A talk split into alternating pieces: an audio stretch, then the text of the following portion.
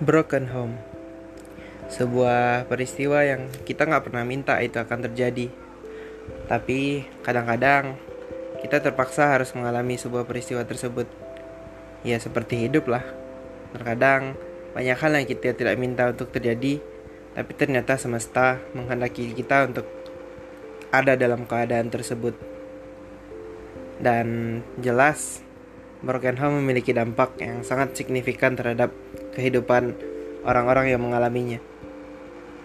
Entah itu berdampak baik sebagai pelajaran ataupun berdampak sebaliknya menjadi trauma dan beban di masa depan. Nah, kita akan bahas malam ini semua hal tentang broken home.